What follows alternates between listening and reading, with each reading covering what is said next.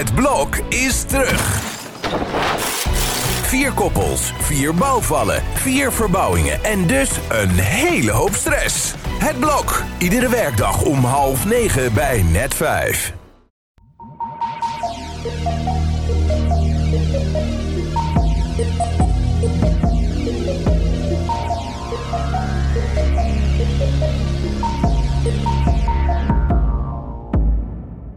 Welkom bij aflevering 58 van Moordzaken, de podcast. Voordat we de dubbele moord in Amsterdam-Noord gaan bespreken, dacht ik misschien nog even vertellen, Carrie, wat nou het concept van onze podcast is. Voor de mensen die het nog steeds niet Ja, weten. er zijn mensen die vragen dat. En dat is helemaal niet erg. Wij bespreken opgeloste moordzaken en dat doen we op basis van openbare bronnen. En dan moet je dus denken aan rechtbankverslagen. We lezen boeken erover, artikelen. Soms is er een docu over gemaakt. In deze zaak zeker. Zeker heel veel over te lezen. En we zijn dus geen journalisten. Dat zijn we niet. We Had zijn ik wel graag gewild. Ja, dat is wel een beetje jouw droom. We zijn ook geen regisseurs, had ik misschien wel graag gewild. We zijn ook geen eh, magistratuur, dus geen rechters. We zijn geen beslissers. We mogen mensen niet veroordelen. Nou, maar we, kortom, eigenlijk, wat wij doen, kan iedereen doen. precies, wij mogen er alles van vinden. En dat doen we gewoon nog steeds aan de keukentafel. Dat vinden we nog steeds hartstikke leuk. En eh, mochten jullie het ook leuk vinden, je kan ons nog steeds een klein tipje geven via fooiepot.com. En dat kan voor elk gewenst bedrag. Het kan eenmalig en je blijft ook nog anoniem. En het hoeft ook niet. Hoe leuk is het? Maar we gaan vandaag terug naar 1997, om precies te zijn, 19 november. Ja, het is een van de meest schokkende zaken in Amsterdam uit de vorige eeuw.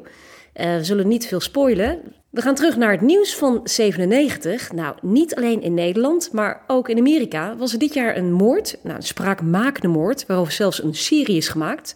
Op 15 juli schiet seriemoordenaar Andrew Cunanan in Miami Gianni Versace dood, vlak voor zijn huis.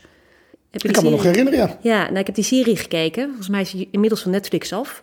Hij was vermoord door een seriemoordenaar. Dat wist ik dus niet.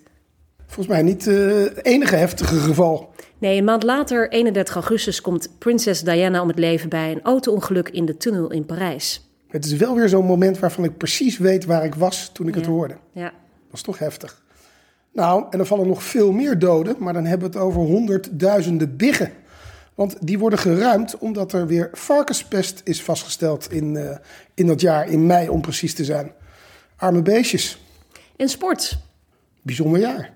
Ja, een heel bijzonder jaar, want in dat jaar is weer een Elfstedentocht gereden. De 15e Elfstedentocht. Gewonnen door Henk Amgenent. Ja, en eh, we hebben net weer even op de schaats kunnen staan. Ik hoop jullie ook. Ja, en ook even vermeldingswaardig, hè. Bij de vrouw is de winnaar Klassina Seinstra. Die was trouwens zwanger op dat moment. Nee, ik ben natuurlijk, eh, zoals jullie weten, ik heb het wel eens eerder gezegd, een eh, fanatiek schaker. En in dat jaar was het voor het eerst dat een computer, en dat was een supercomputer, Deep Blue, die versloeg de wereldkampioen Garry Kasparov. Eh, dus ook de mens heeft het daar tegen computers moeten afleggen. En eh, een hele treurige gebeurtenis eigenlijk op sportgebied. 23 maart 1997 in de buurt van Beverwijk vindt eigenlijk de meest zwarte dag in de geschiedenis van de voetbalsporters plaats. De slag bij Beverwijk. Nou, de harde kern van Feyenoord en Ajax spraken met elkaar af voor een massale vechtpartij. Ze treffen elkaar uiteindelijk in een eh, weiland langs de A9 bij Beverwijk. En die hooligans die gingen daar elkaar te lijven met messen, honkbalknuppels, ijzeren staven, kettingen. En het trieste afloop was dat Ajax-fan Carlo Picorni daar in het weiland werd doodgestoken. Ja, het lijkt wel alsof eh, alles dood en verderf is dit jaar.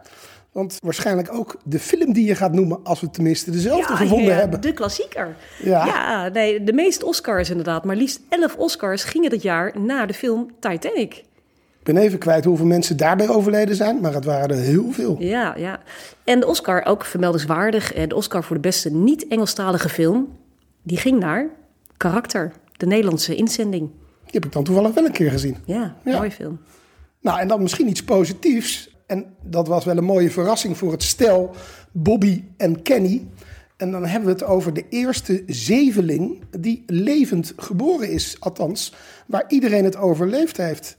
Je zal het maar in één keer te horen krijgen. Je krijgt er niet één, je krijgt er niet twee. Nee, ook geen drie. Oh, nee, je krijgt er zeven. En ik heb daar een filmpje van eh, bekeken. Gaan we natuurlijk ook even delen op ons eh, nieuwe YouTube-kanaal. Nou ja, het is echt wel grappig om die zeveling dan te horen praten. Ze zijn ook, Benieuwd, eh, benieuwd hoe het nu met ze gaat. hè? ja, nou ja, eh, 25 jaar geleden. Ja. Ja. Nou, het weer. vrijwel geheel bewolkte dag met een gemiddelde temperatuur van 2,8 graden. Koud. Koud dus. Ja, en dan de muziek. En eh, ja, Carrie is eigenlijk een beetje jaloers op mij dat ik altijd de muziek mag doen. Want zij is veel meer muziekfanaat dan ik. Ik eh, merk dat ze eigenlijk niet meer aanspreekbaar is nu de top 2000 wordt uitgezonden. Ja, we zitten nu nog in de top 4000. Oh, nou, we zitten nog in de top 4000. Ze weet er echt meer van dan ik. Maar het was op dat moment wel een hele leuke single van de Cameroense zanger West Madiko. eh, met het hartstikke leuke nummer Alané. Ja, mag er nog iets over zeggen? Jij mag er iets over zeggen. Ja, het wordt gezongen in het Douala. Dat is een taal die wij eigenlijk allemaal niet kennen, denk ik. Eh, maar dan hoor je dus van die mama appelsapjes. Hè? Dus dan hoor je iets wat je denkt van... hey, je moet even luisteren. Hij gaat zeggen... Mimi, het is zomer. Ik ga met Sander naar Mimi toe.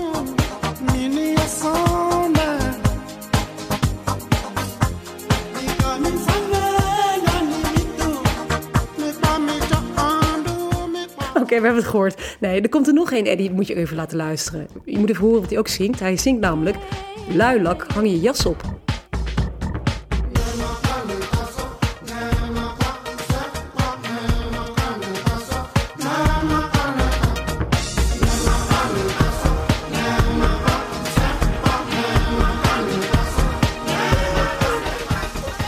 Nou, je hebt het gehoord, hè? Ik heb het nu eindelijk gehoord. Luilak, hang je jas op. Ja, maar het probleem is, als je het eenmaal een keer gehoord hebt, kun je het ook niet meer anders horen. Goed, we gaan terug 25 jaar in de tijd naar 1997. Op maandagavond 24 november 1997 komt er een melding binnen bij de politie in Amsterdam. Ja, het is een man die zegt dat zijn buren, een 79-jarige man en een 73-jarige vrouw, vermoord in hun woning liggen. De buurman was met zijn sleutel op polshoogte gaan nemen omdat die briefbus die pelde uit van de post. Nou, je kent het wel. Ja, want ik heb natuurlijk weer mijn veldwerk gedaan. Ik weet precies hoe het er daar uitziet. Maar daar kom ik zo even op terug. Ja, hij had de twee mensen ook al een paar dagen niet gezien. Had ook geen contact met ze gekregen. Dus hij heeft de politie gebeld en die arriveerde niet veel later met drie man bij die woning aan de Noorderbreedte in Amsterdam-Noord. Nou, ze gaan daar naar binnen. Zien ze links van de entree door het halletje naar de woonkamer het lichaam van Mary Rund liggen. Iets verder in die woonkamer vinden ze op de grond het lichaam van de 79-jarige Henk Oppentij. En beide totaal afgeslacht. Mag jij straks vertellen ook. Nou, Henk die ligt op de vloer in de woonkamer tussen de kast en een stoel. Hij ligt half op zijn buik. Onder zijn lichaam vindt recherche ook nog een witte rubberen operatiehandschoen. En Mary die ligt tussen de keukendeur en de eettafel. Rond haar hoofd, heel vreemd, ligt een stuk huishoudfolie in een hele rare vorm eh, gedrapeerd. En Mary's gezicht is deels bedekt met een theedoek. Over haar lichaam ligt ook nog een stuk afgebroken elektriciteitssnoer. Op die tafel in de woonkamer liggen gebruikte messen. Het bloed kleeft er nog aan. En die zijn keurig netjes naast elkaar gelegd, alsof het een soort trofeeën zijn. En daarnaast ligt ook nog een hamer. Die recherche die gaat meteen kijken, van, nou, die mensen liggen hier waarschijnlijk al een paar dagen. Dus wat is dan het tijdstip van die moorden? Henk en Mary zijn 24 november gevonden. Maar gezien die post in de brievenbus, wat ik net zei, liggen ze dus echt al een paar dagen dood in die woning. Het tijdstip van de moord. De recherche denkt aan de, aan de ochtend van die woensdag. Eh, de bedden waren nog niet opgemaakt. Ze zagen er wel beslapen uit. En meer is iemand die eigenlijk eh, dit gewoonlijk gewoon binnen een uurtje wel doet. De brand ligt in eh, de keuken, onder de aanrechtkastjes. Dat is ook het enige licht dat er brandt. En er staan twee koffiekopjes klaar met melk en suiker. Dus eigenlijk om koffie er meteen in te schenken. En het scheerapparaat van Henk, dat ligt ook op die keukentafel. Met de snoer nog in de stopcontact. Gordijnen waren al wel open. Nou, en die krant inderdaad op de salon in de woonkamer ligt inderdaad die ochtendeditie van eh, het nieuws van de dag van 19 november. En misschien aardig om even wat meer over Henk en Mary te weten. Eh, het is dus een bejaard stel, zoals gezegd. En Henk had al vier zoons uit een eerder huwelijk. En Mary, die is gescheiden. Maar hoe aardig, het zijn dus buren die op een gegeven moment een relatie hebben gekregen. Hoe leuk is dat op latere leeftijd? En ze zijn al een jaar of acht samen op dat moment. En ze zijn uiteindelijk in de woning van Henk zijn ze gaan samenwonen. Ik hoorde zelfs dat er trouwplannen waren. Ehm, en verder misschien wel ook goed om nog iets meer over Mary te vertellen. Mary heeft een dochter uit een eerder huwelijk. eh, en die leeft samen met haar man Hans. En hebben twee kinderen. Dat is denk ik, eh, als we iets vertellen, is het altijd belangrijk. Hè? Moet altijd op de details letten. Ehm, en zoals gezegd, het veldwerk. Ze wonen dus aan de Noorderbreedte in eh, Amsterdam-Noord, maar dat is Buiksloot.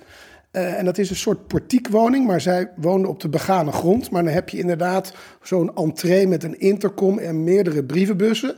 Dus ik denk dan dat die buurman daar zag dat een van die brievenbussen dus uitpeilde met post. Ik heb natuurlijk even in de omgeving daar gekeken of het, eh, ja, hoe het eruit ziet. Maar ik moet zeggen, het is wel een beetje uitzicht op de ring A10. Het ligt echt precies tegen de, tegen de snelweg aan. Ik denk gewoon ook weer zo'n leuke Amsterdamse wijk in Noord.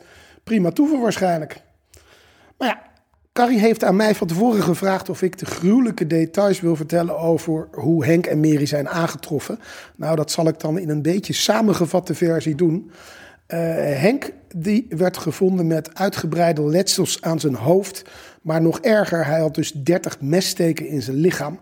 Waarbij allerlei vitale organen waren geraakt. Eh, en als je dan denkt dat dat alles is, hij was ook nog eh, in zijn hals gesneden. En dat was onder andere de linker halsslagader was doorkliefd. Nou, even genoeg denk ik, maar bij Mary was het niet veel beter. Zij had huidletsels op hoofd en gelaat, maar ze had ook een geperforeerde schedel, een gebroken neusbeen en een linker onderkaak. Maar ook bij haar was de hals doorgesneden. Nou, en het meest vreselijke is, bij haar was ook het linker oog ingestoken. Dan hadden ze vervolgens wel het oog bedekt door er een theedoek overheen te leggen. Kippenvel, Nou- zoveel gruwelijkheid. En de recherche zal dit ook niet dagelijks onder ogen krijgen. Ze starten meteen een groot onderzoek onder de naam Noorderbreedte, het adres waar eh, de lichamen gevonden zijn. Als de recherche ter plekke die woning doorzoekt, zijn een paar hele opvallende zaken. Over die lichamen, nou de twee lichamen, die zijn beide versleept naar een andere plek. En bizar is dat in beide gevallen het kunstgebit iets verder naast het lichaam ligt. Hè? Dus niet in de buurt van het gezicht, maar iets verder van het lichaam af. Nog opvallender is dat er geen braaksporen zijn. Dus het lijkt alsof die dader of, of daders binnengelaten zijn. Waarschijnlijk door Mary, want zij is het eh, dichtst bij de voordeur gevonden. Er is niets omgestoten of vernield. Ook is eigenlijk niets uit die woning meegenomen. Alleen het dure suikerhorloge van Henk, ter waarde van 700 gulden. Ja. Het tasje van Mary ligt zelfs nog op een kastje in de gang. Is wel doorzocht, maar de 600 gulden zit er gewoon nog in. En ook lagen sieraden van Mary in een blauwe beautycase op het tafeltje. Zijn ook gewoon blijven liggen. Het lijkt dus niet echt een roofmoord, want waarom zou je anders het geld laten liggen? De vraag is dan ook, waarom was er zoveel geweld gebruikt en zo weinig van waarde meegenomen? En daarnaast ook vreemd, Eddy, niemand in de buurt van die omwonenden heeft iets gehoord. Hè? Je hebt verteld al een portiekwoning, allemaal dicht bij elkaar. Best wel veel geweld, zou je iets moeten horen. Niemand heeft iets gehoord. En, heel opmerkelijk, liggen de moordwapens, maar liefst vijf messen en een hamer, keurig op een rijtje op tafel. Nou, er zijn denk ik niet heel veel moordenaars hè, die hun moordwapens eh, achterlaten op plaats delict. En dan al helemaal niet netjes naast elkaar uitgestald als, als die trofeeën. En ook heel opmerkelijk, de moordwapens zijn messen uit de keuken van Henk. Dus niet iets meegenomen, ze hebben het gewoon uit de woning gehaald. Eén mes is trouwens helemaal krom getrokken, ook heel vreemd. Het gebruik van zoveel geweld zonder zelf wapens mee te nemen, waarom zou je dat doen? Nou ja, het zijn natuurlijk allemaal wel sporen, maar blijkbaar niet iets waar ze direct iets mee kunnen. Eh, maar ze vinden gelukkig een bruikbaar schoenenspoor. Dat is een afdruk met bloed. En eh, die sporen die zullen we ook laten zien. Dat zijn best wel herkenbare schoenafdrukken. En het mooie is, ze kunnen op basis van die afdrukken... eh, er is een database in Zwitserland. Kun je dus blijkbaar eh, schoen, eh, schoenafdrukken kun je daar checken. En het blijkt dat het een eh, afdruk is van een caterpillar ja, soort eh, bergschoen, een beetje eh, een schoen met ruwe zool. Caterpillar is ook bekend van die enorme hijskranen die je hebt. Dus dat, ja, dat is een bekend merk. En het blijkt dat ze zelfs weten, en dat vond ik echt wel bijzonder, dat er in de omgeving van Amsterdam maar 20 paar van verkocht zijn. Dat is niet heel veel. En ze gaan ook proberen al die mensen te traceren. Dus ze, ze pakken dit spoor wel echt serieus op. Ze hebben zelfs nog negen paar teruggevonden, maar het leidt uiteindelijk tot niets. Nee, Nee, dan is het dus drie weken na de moord. Er is nog geen moordenaar gevonden. Dan belt er een ooggetuige naar de politie. En het gaat om een oudere vrouw die is met haar man een avondwandeling gaan maken. Een paar dagen voordat die lichamen gevonden werden. Nou, uit haar ooghoek had ze tijdens die wandeling in een flits iets gezien toen ze langs het huis van Henk en Mary wandelde. Die vrouw die durfde dit verhaal niet eens met een man te delen. Die, die moest zelfs haar angst overwinnen om de politie te bellen. Heeft ze toch gedaan na drie weken. En toen die politie haar dus als getuige wilde horen, ik denk misschien de gouden tip, nou gebeurde iets totaal bizars. Die vrouw die dus naar het politiebureau wilde gaan, die ooggetuige, die overlijdt plotseling aan een herseninfarct. Misschien werd de spanning haar te, te, te groot, denk ik dan. Ja, dat geloof je toch niet? Maar ja, het kan natuurlijk ook gewoon puur toeval zijn. Het nou, is, ja, dat, dat, daar ga ik wel van uit. ja, ja. je zou het denken. Nou, het onderzoeksteam heeft dan ook nog een beroep gedaan op een gedragswetenschapper. Die heeft een analyse gemaakt van de dader. En daar kwam uit dat die dader zo buiten zinnen is geweest. dat het motief waarschijnlijk wraak is of woede richting die slachtoffers. Dus waarschijnlijk een bekende, een bekende van een slachtoffer, een persoonlijk motief. Eh, van een persoonlijk motief kan zeker sprake zijn als je even kijkt naar de familie van Mary. Wat blijkt namelijk, ze hebben een soort familiefete en het zou kunnen gaan om een miljoenen erfenis. Het is namelijk zo dat Mary met haar ex-man vermogend geweest zou zijn omdat ze een aantal panden, een aantal huizen in Amsterdam hadden. Onder andere in de Kinkerstraat. En Mary die houdt een dagboek bij en uit dat dagboek blijkt ook dat ze helemaal gebrouilleerd is met haar dochter. En ze zegt zelfs in het dagboek: ze hebben er alles voor over om mij geheel uit te schakelen. Dus het lijkt echt alsof dat heel ver gaat. En het blijkt ook dat die eh, dochter en Mary zelf alleen maar communiceren via een advocaat. Ik vond het ook heel heftig, want ze zegt ook in het dagboek van... eh, Sylvia, je hebt je moeder verkocht en verraden. Sylvia is die dochter. Nou, dat is best wel heftig om over je eigen dochter te zeggen. Ja, en die dochter zegt ook dat ze eigenlijk dus eh, die, die moeder nooit meer ziet en zelfs niet zou weten waar ze woont. Maar dan komt er toch weer onderzoek van de politie en dat was toch wel ook weer een mooi detail, beter gezegd bijzonder dat ze het hebben uitgevonden. Het blijkt dat dochter Sylvia op de dag van waarschijnlijk, eh, nou ja, dat ze gevonden werden in ieder geval, Mary en Henk, een pen gekocht zou hebben, vlak daarbij in de buurt. Terwijl ze zelf 30 kilometer verderop woont en eigenlijk zegt helemaal geen contact meer te hebben met die moeder. Nou, dus alsof toch, ze wilde checken wat er, wat er gebeurde. Ja, Ja, ja, Sylvia dus is, die is vol in beeld bij de politie, de dochter. Wordt zelfs een gerechtelijk vooronderzoek naar, eh, haar gestart. Ze wordt afgeluisterd, ze wordt eh, verhoord. Maar in die tijd, in 1999 hebben we het dan over, komt ook een anonieme brief binnen bij de politie. En die brief die is gericht aan de, de afdeling ernstige delicten. En daarin wordt gesuggereerd dat de daders, helemaal niet Sylvia, maar dat de daders Jamal en Roberto zijn. Nou, dat zijn twee hele criminele jongens die al aardig wat op een kerfstok hebben. Roberto, die woont in de buurt van Henk en. En Jamal, die heeft een broer die al op zijn zeventiende twee mensen had vermoord. Dus geen lievertjes. Nou, na aanhouding voor een andere zaak worden deze twee even aan de tand gevoeld, maar dat levert dus helemaal niets op. Nee, maar ik vind het wel bijzonder hoe dit rechercheteam... ze pakken wel ieder eh, tip en ieder draadje pakken ze wel serieus op. En ze zijn ook nog verder gegaan om te kijken of ze toch achter de drager van die schoenen konden komen. Eh, want dat is op dit moment eigenlijk het enige echt tastbare spoor wat ze hebben. En ze komen terecht bij een jonge Amsterdamse man. Eh, en wat blijkt nou? Dat blijkt een agent in opleiding te zijn. Gewoon bij het Amsterdamse politiekorps. En onder op de zolen van diezelfde schoen blijkt bloed te zitten. Ze zijn er eigenlijk een soort van overtuigd Ja, dat is bingo. dit moet het zijn. Nou, dat, dat, dat- dat enthousiasme blijkt van korte duur. Want het blijkt uiteindelijk dierlijk bloed te zijn. En deze jonge man blijkt namelijk recent daarvoor ook in een abattoir te hebben rondgelopen.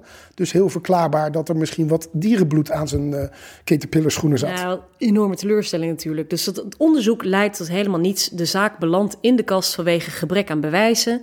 Ze hebben echt, inderdaad, wat je zei, ze hebben echt van alles lopen onderzoeken. Hè? Dus echt alle kleinste sporen zijn nagetrokken. Ging het dan om geld, hè? of was de erfenis het motief? Nou, die erfenis was minder aanzienlijk eh, dan uiteindelijk bleek.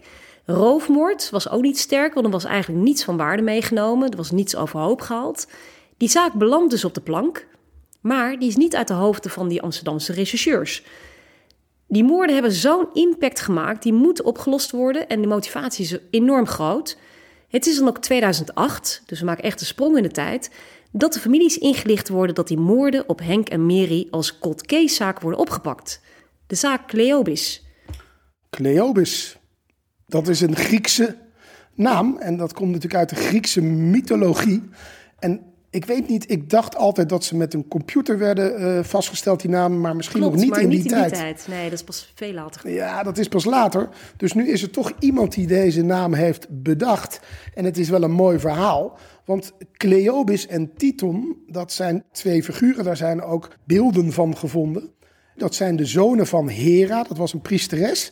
En die heeft op een gegeven moment aan die zonen gevraagd... of ze als een soort os voor een, voor een wagentje een kar naar een tempel wilden brengen. Dus een soort eh, menselijke beesten.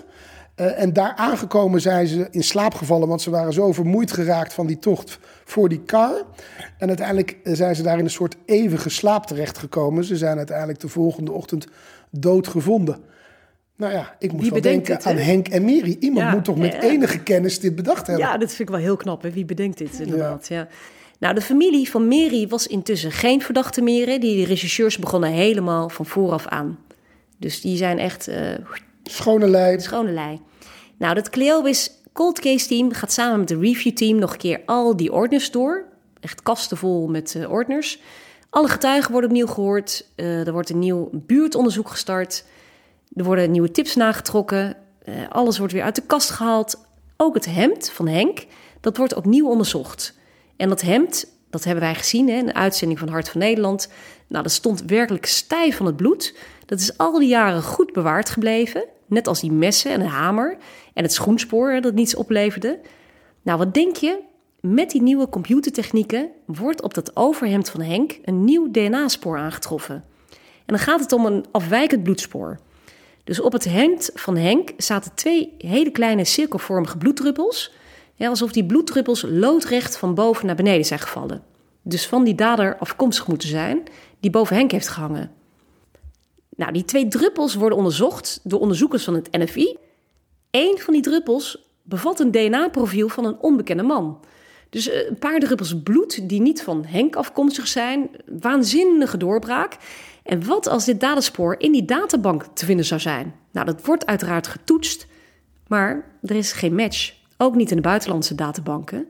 Nou, enorme domper, want je zou denken dat iemand die in staat is om twee mensen totaal af te slachten, wel vaker voor een groot delict in aanraking met justitie en politie zou zijn geweest. Nou, om echt alles uit te sluiten is ook nog vrijwillig eh, DNA afgenomen van alle betrokkenen die in 97 na die moord op de plaats delict zijn geweest. Dus hulpverleners, eh, politiemensen, mortuariummensen, noem maar op. Alles moest uitgesloten worden. En Eddie, er is schijnbaar niet één, maar twee DNA-sporen gevonden. Waar het andere spoor is gevonden is mij niet helemaal duidelijk geworden.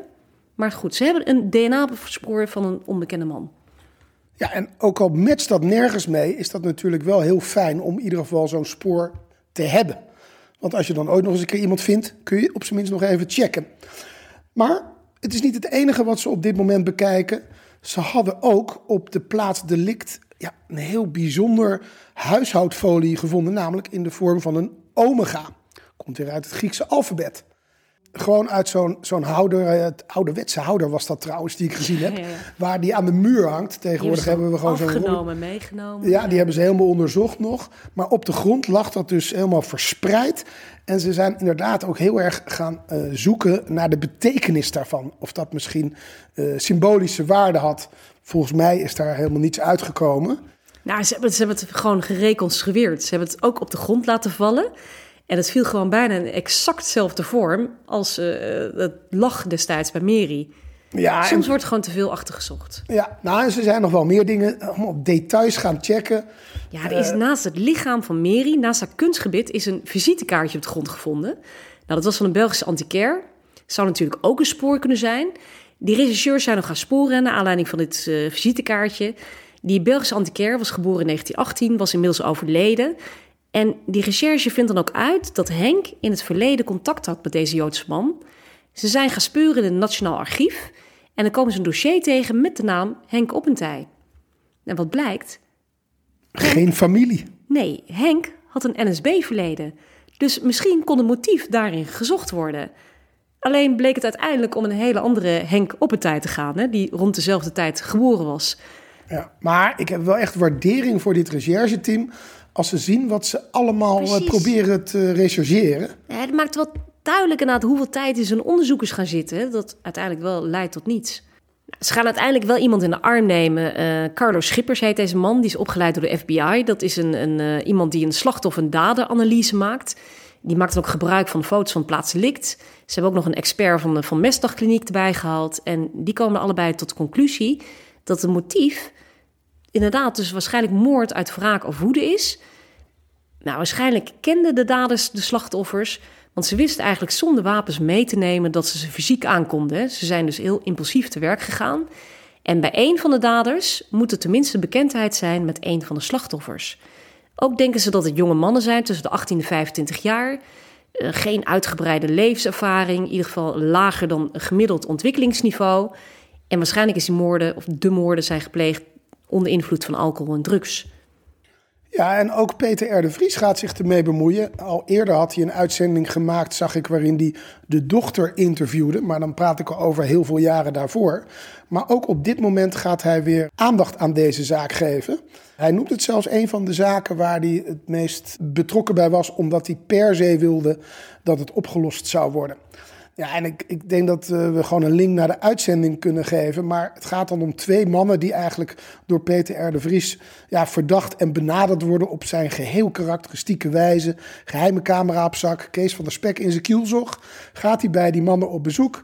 Maar uiteindelijk blijkt later dat deze mannen er niks mee te maken hebben. Het Ze worden althans de- Het vrijgelaten. zou om de neef gaan van deze mannen. Die mannen zelf waren niet verdacht, maar Precies, maar je moet zelf maar even kijken. Ik vond het niet een hele indrukwekkende uitzending. Maar wel weer Peter R. de Vries, die in ieder geval aandacht voor die zaak eh, blijft hebben.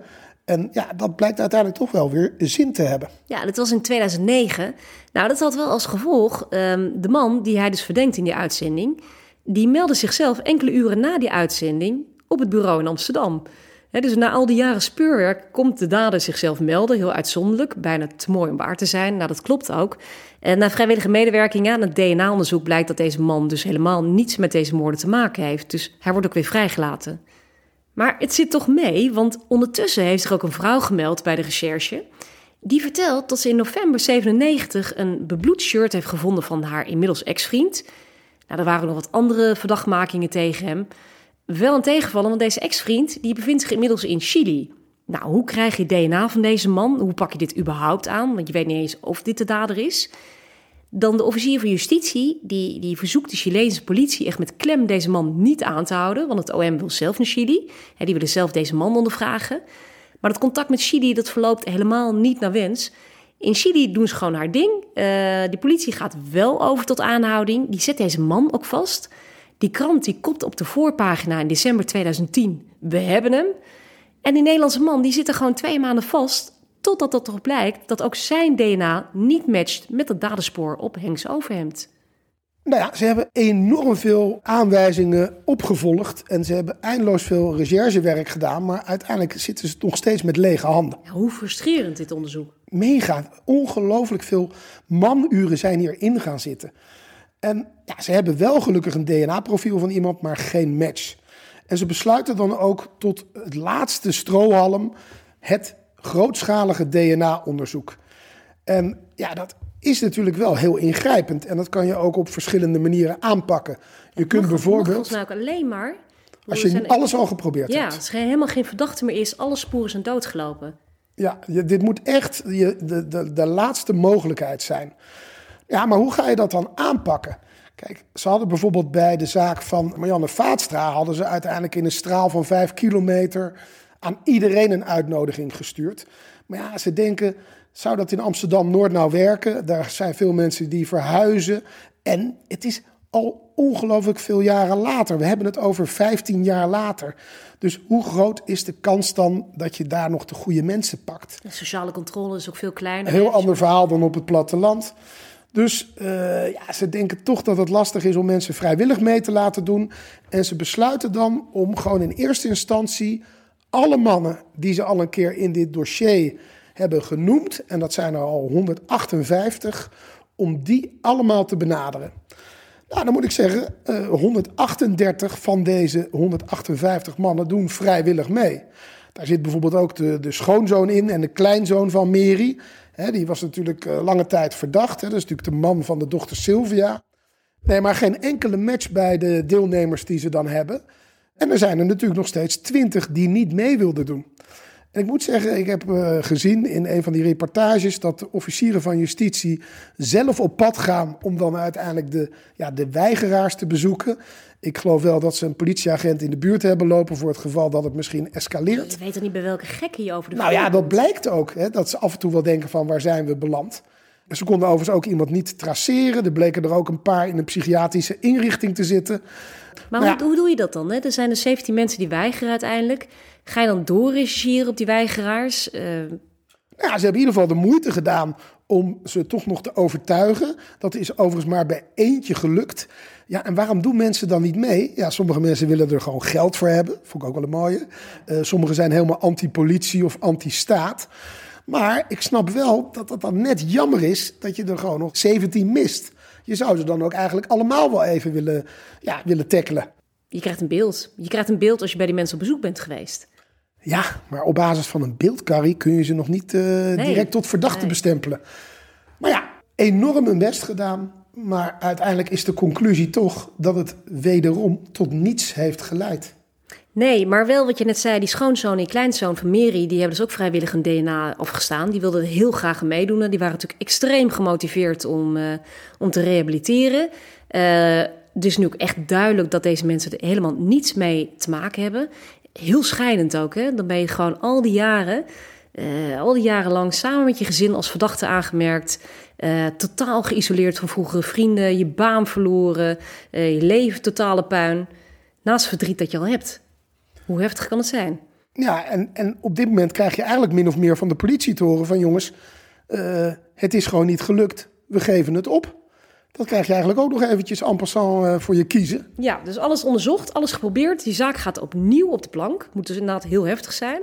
Maar dit keer niet voor lang, want enkele dagen na die eindgesprekken met de familie... is het in het najaar van 2011 wederom Peter de Vries... die zich weer meldt bij de politie. Ja, die heeft een tip gekregen van iemand die weliswaar anoniem wil blijven, maar die wel gewoon heel concreet met twee namen komt van mensen die bij deze moord betrokken zouden zijn.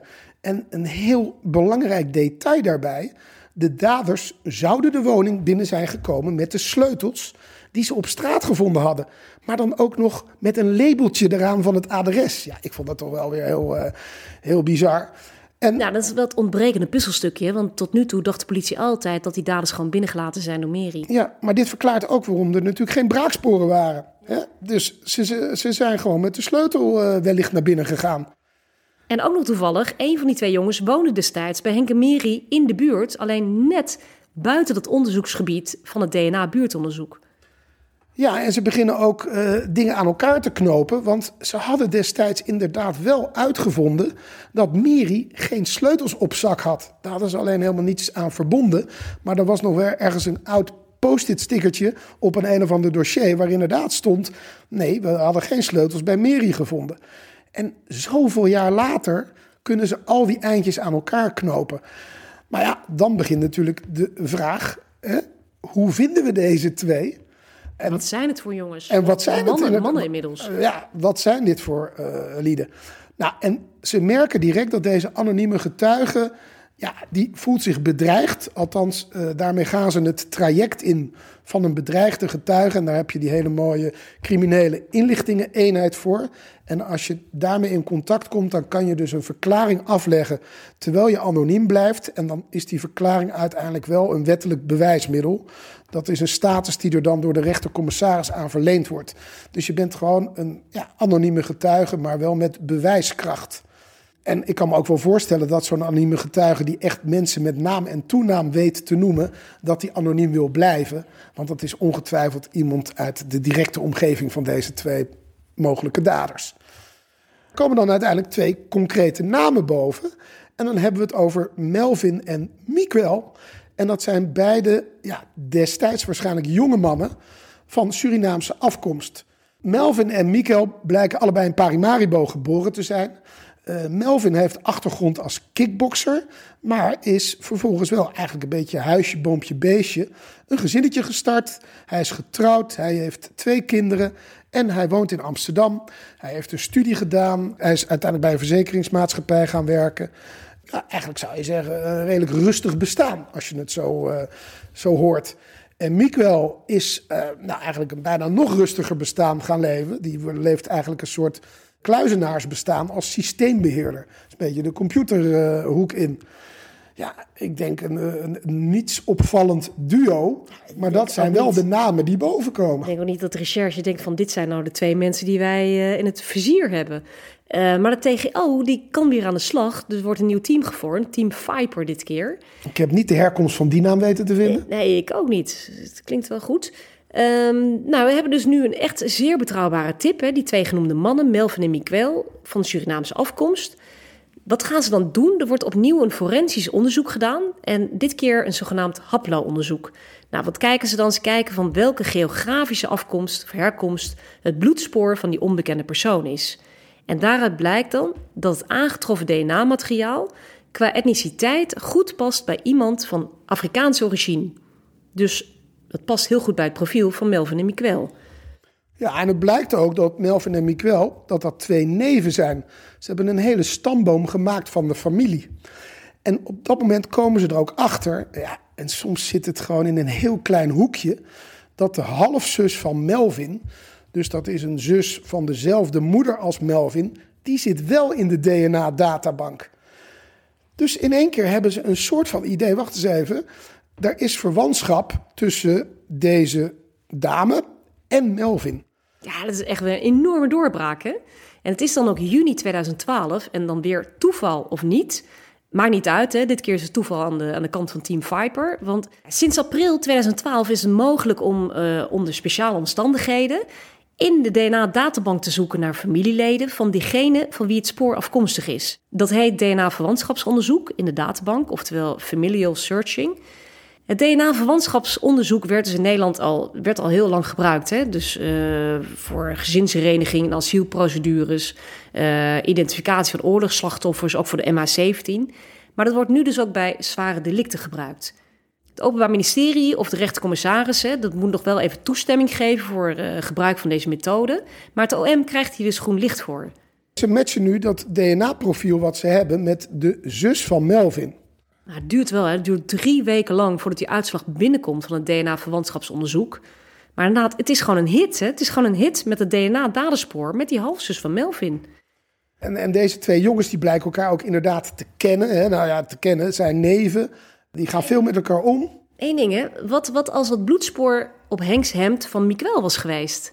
Ja, dan was het misschien allemaal niet uitgevonden. Hè? Hey, dus dat is ook weer een enorme toeval. Ik bedoel, dat zou het onderzoek echt een stuk lastiger maken. Ja, nee, in deze zaak zitten natuurlijk heel veel toevalligheden.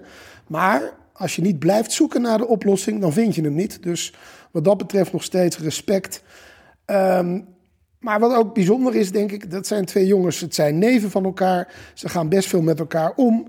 Ja, ze gaan natuurlijk kijken of die lui misschien nog steeds met elkaar contact hebben. Ze zijn dan weliswaar ondertussen 34 en ze zouden destijds in 97 dus 19 jaar geweest zijn.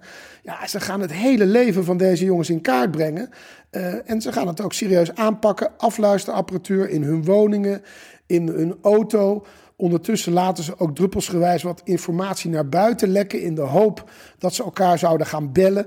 Maar eh, het lijkt alsof ze geen enkele krant eh, lezen of op internet searchen.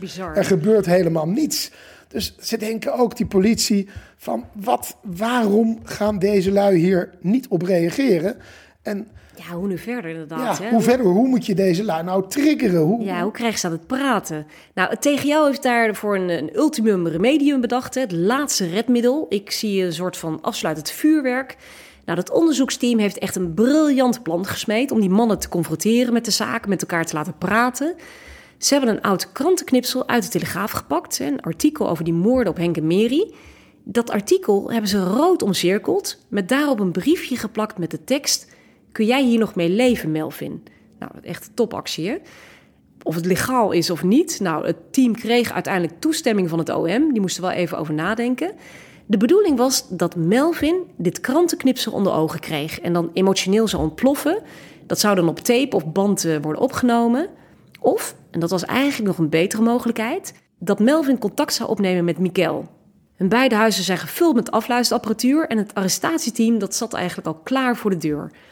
Alleen dat knipsel moest dan wel persoonlijk afgeleverd worden. Bij Melvin niemand anders. Dus op het moment dat Melvin alleen thuis is, komt er een rechercheur verkleed als postbode met een pakketje aan de deur. En op het moment dat die zogenaamde postbode voor die deur staat, komen die vrouw en kinderen van Melvin aanlopen. Nou, die bezorger die stond natuurlijk aan de grond genageld, hè, want die hadden ze dus echt niet op gerekend. Die vrouw en die kids die denken op dat moment waarschijnlijk van, nou leuk, pakketje, die nemen het aan. En tegelijkertijd zit verderop een heel team mee te luisteren. Ik zou heel graag een fly on the wall zijn geweest. Want heb je alles zo goed gepland, gebeurt er dit. Dat is eigenlijk weer een stom toeval. Ja, en terwijl dat recherche-team in een kamer met allemaal een koptelefoon op hun oren zit mee te luisteren, en daar zijn ook beelden van, ik vond het ook wel bijzonder dat dat gefilmd is, eh, loopt het natuurlijk niet zoals gedacht. Want uiteindelijk komt de vrouw van Melvin dus binnen en het zit in een mooie koker verpakt. Zoals gezegd door een politieman als postbezorger verkleed afgeleverd.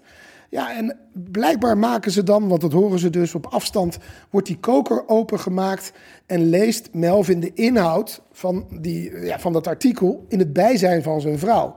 Ja, en wat er dan gebeurt, ja, dat is, dat, dat is ongelooflijk. Eigenlijk stelt die vrouw precies de vragen die de politie zou willen weten. Namelijk, wat is dit? Wat heeft dit te betekenen? Wat heb jij ermee te maken?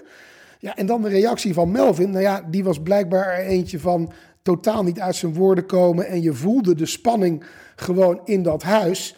Ja, op dat moment weet dat rechercheteam, we hebben misschien wel beet. Hier gebeurt iets. Ja, het had ook heel fout kunnen aflopen. Hè? Ik bedoel, Ja, nou ja, kijk, eh, ik vind het dan wel raar dat ze niet hebben opgelet om te kijken wie er dan thuis was. Aan de andere kant, ze hebben wel bereikt wat ze wilden bereiken. Namelijk Melvin, die op zo'n manier reageert dat je toch wel het idee hebt dat je beet hebt.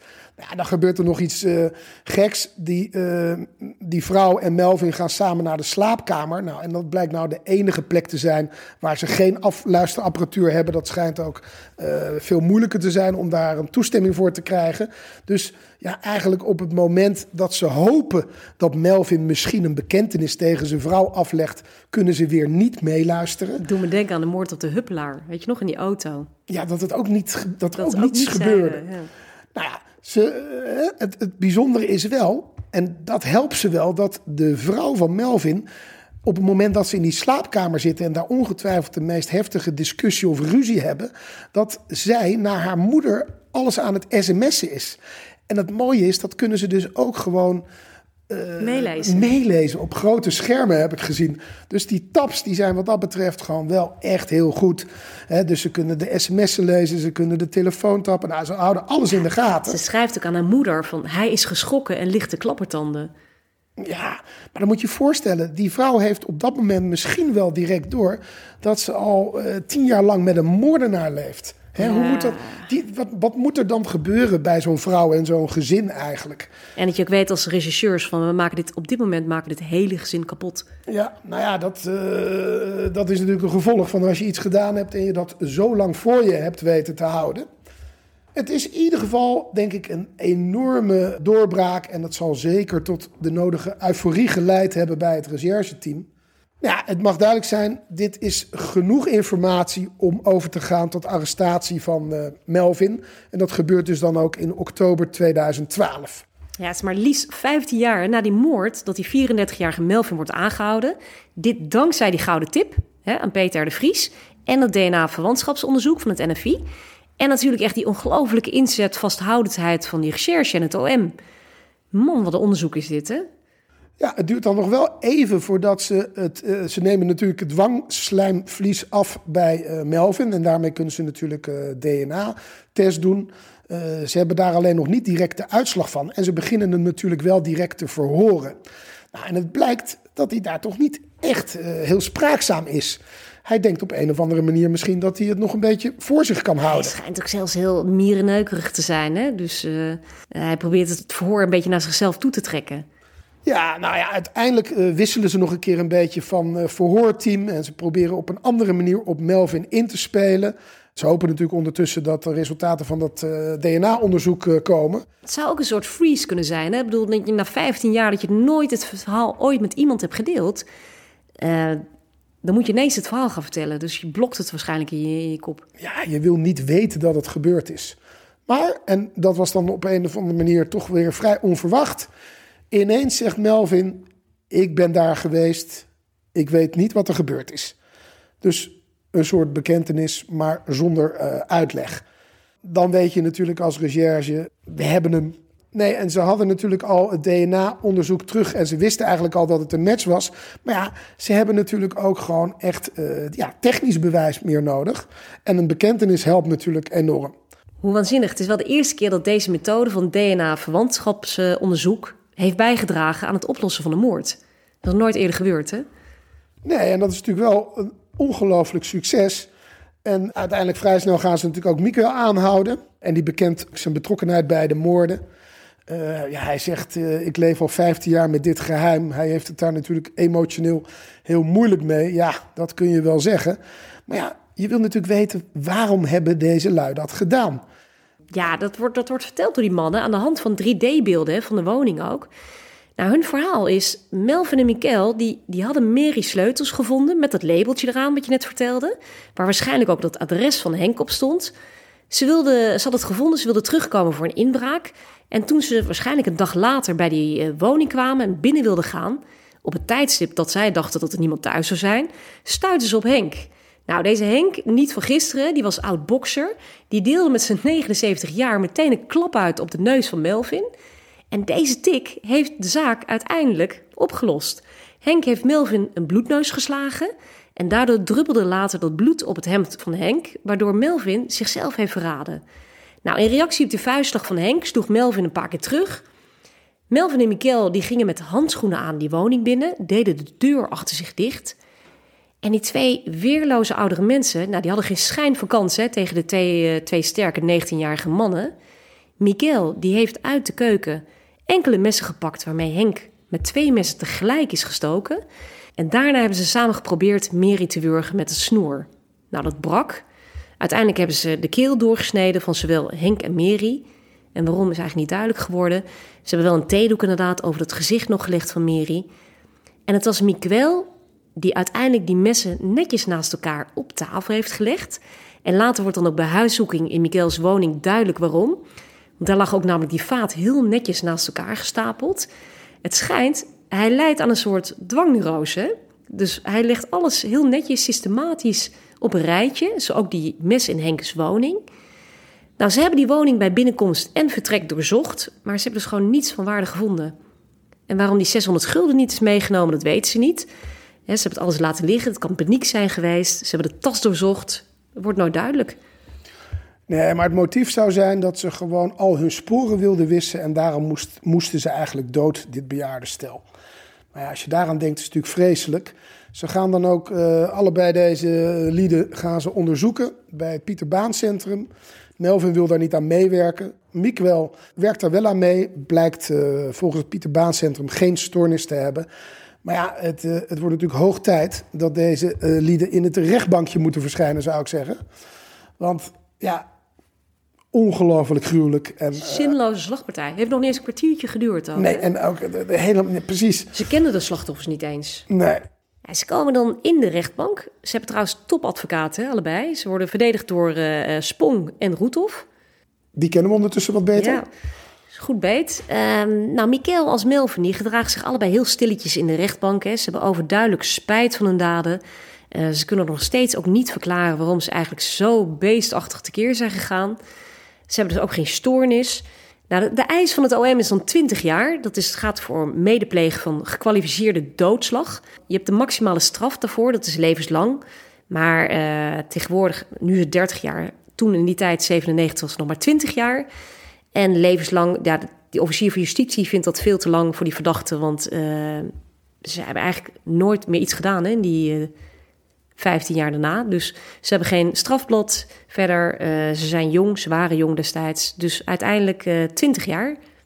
Nee, dan ben je natuurlijk in zo'n zaak waar alles klip en klaar lijkt wel benieuwd naar waar de verdediging mee komt. En waar ze mee komen is dat er kan een situatie zijn waarbij iemand, en zij zeggen dan dat het eh, slachtoffer eigenlijk al dood was en dat vervolgens pas de steken hebben plaatsgevonden. En daar hebben ze ook een mooie naam voor, dat heet mangel aan taatbestand. En dat betekent eigenlijk dat je niet een lijk kunt vermoorden, want dat is niet strafbaar. Alleen dan gaat het er natuurlijk heel erg om wat is nou precies de volgorde geweest. Eh, ja, en laten we eerlijk zijn, anders dan die twee jongens is er niemand bij geweest. Ja, wat is er nou precies eerder gebeurd en wat heeft de een gedaan en de ander? Nou ja, ik, eh, ik zou in ieder geval altijd zelf zeggen, ze hebben met, eh, met z'n tweeën dit gepleegd, deze moorden. En het zou natuurlijk vreemd zijn als één de dans kan ontspringen en de ander niet, toch? Nee, het is gewoon medeplegen. Precies. Ja, wat, wat zegt het OM dan ook verder inderdaad? Wat, wat zo vreemd is. Melvin en Mikkel, die, die waren en zijn eigenlijk nog steeds hele normale mannen. Ze hebben nooit meer met een woord met elkaar over die zaak gesproken. Die zijn gewoon eigenlijk doorgegaan met hun eh, onopvallende levens. Alsof er nooit iets heeft plaatsgevonden. Gewoon een baan, een huis, Melvin zelfs een gezin. En bij die mannen is al dus die officier van justitie... gewoon één keer een donker deurtje in de ziel opengegaan. Eigenlijk heel mooi gezegd, hè? Dus eh, ze hebben iets slechts gedaan. Dat zijn geen slechte mensen. Hè, ook een regisseur zei dat. Ehm, spijt en schaamte zijn echt overduidelijk aanwezig bij deze mannen. Ja, en dat levert ze ook iets op, denk ik. Want eh, zoals gezegd, de eis was 20 jaar. Maar uiteindelijk legt de rechtbank Melvin en eh Miekwel een straf op van 15 jaar. Dat is wel serieus lager. Eh, ja, de nabestaanden die reageren enorm teleurgesteld op deze uitspraak. Ja, je kunt je ook afvragen, is dit een zware straf of niet? Nou, het Openbaar Ministerie is het er in ieder geval niet mee eens. Ze gaan direct in hoger beroep. En dan hebben we het over november 2014. Eh, de eis is wederom 20 jaar. En deze keer is de uitspraak, het zit er een beetje tussenin, is 17 jaar voor gekwalificeerde doodslag. Ze komen er dus ietsje slechter vanaf. Nou, gelijk met dit hoge beroep zendt de zender SBS een, een special uit hè, van Hart van Nederland. De dubbele moord in Amsterdam-Noord. Dat is een docu over die moord dus op Henk en Mary. Nou, die hebben wij ook gekeken. Ik denk dat we ook een eh, linkje gaan delen op YouTube en op Insta. Nou, die advocaten van Melvin en Mikkel, die willen die uitzending laten verbieden. Het komt zelfs tot kort geding voor de rechtbank in Amsterdam. In die uitzending zijn namelijk uh, politieverhoren te zien. En nou, dan denk je ook, mag dat ze zomaar ton, zonder toestemming van de veroordeelde? Maar de rechter die oordeelt uh, anders. Die zegt, nou, het Hart van Nederland uh, maakt geen onrechtmatige inbreuk op die privacy. Dus die uitzending is gewoon uh, uitgezonden. Ja, die hebben ze in ieder geval niet tegen kunnen houden. En ze gaan zelf nog in cassatie. Althans, volgens mij gaat alleen Miek wel in cassatie. Melvin wilde dat wel, maar was te laat en had zich daarmee niet aan de procedures gehouden. Ja, die, eigenlijk proberen ze nog een keer een beetje datzelfde verhaal uh, naar voren te brengen. Dat misschien uh, de dood al was ingetreden en dat daardoor eigenlijk een lagere straf voor de ander zou moeten zijn. Ja, het ging om Miriam.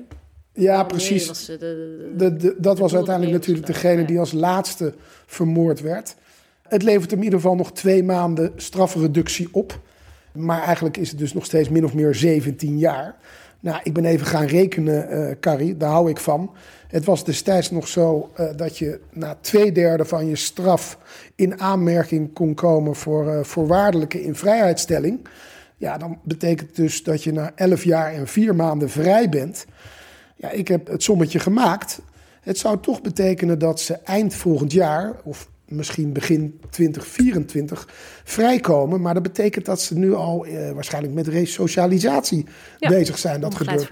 Uh, ja, en onbegeleid verlof. Dan denk ik natuurlijk aan de vorige zaak die we besproken hebben. Maar in dit geval denk ik, in ieder geval mijn persoonlijke mening. Ik denk dat deze uh, ja, mannen ondertussen niet nog een keer iets zo ze, zoiets zullen doen. De straf uitgezeten. Ja, die hebben het precies uitgezeten. Ja, er zijn natuurlijk nog wel een paar bijzondere elementen. Ten eerste, als Henk niet die flinke vuistslag op de neus van Melvin had gegeven, dan was het misschien uh, nooit opgelost. Maar ook Peter R. de Vries heeft natuurlijk een enorme rol gehad in deze zaak. En toen het vreselijke nieuws over Peter R. de Vries bekend werd, heeft de, de, de zoon van Henk, en dat is Henk junior, ja, die heeft ook gezegd, joh, we hebben zoveel aan Peter R. de Vries te danken in deze zaak. Zonder zijn bijdrage was het waarschijnlijk ook nooit uitgekomen. Het is wel een zaak, eh Carrie, die van heel veel toevalligheden aan elkaar hangt. Hè? Dat blijft mij bij. Ik vind een mooi toeval is inderdaad dat dat DNA-verwantschaps, eh, die wet, dat die net was aangepast. En tegelijkertijd kwam die tip van Peter R. de Vries binnen. Wat als die tip bijvoorbeeld een jaar eerder eh, binnen was gekomen, of nog erger, begin 2000, dan hadden ze wel die tip. Maar dan hadden ze geen enkel hard bewijs, of waren die twee nooit berecht, of waren vrijgesproken wegens gebrek aan bewijs. Nou ja, ik denk dat we dit jaar gaan afsluiten, Carrie, met dit mooie recherchewerk. Wat in ieder geval eh, bij deze zaak tot een goed einde heeft geleid. Eh, wij gaan er even een extra weekje tussenuit, denk ik, eh, in de kerstperiode. Gaan vol energie weer verder in 2023 met nieuwe zaken. En zoals jullie van ons gewend zijn, kunnen jullie, en zeker bij deze zaak de moeite waard, ons YouTube-kanaal volgen. Daar delen we de beelden die we hebben gebruikt voor deze aflevering. En natuurlijk kun je ons ook volgen op Instagram en Twitter. Moordzaken podcast. Luister jij graag naar moordzaken en wil je Carrie en Eddy ondersteunen? Ga dan, als je wat kan missen, naar fooiepot.com slash moordzaken en geef daar een digitale fooi. Dus fooiepot.com slash moordzaken.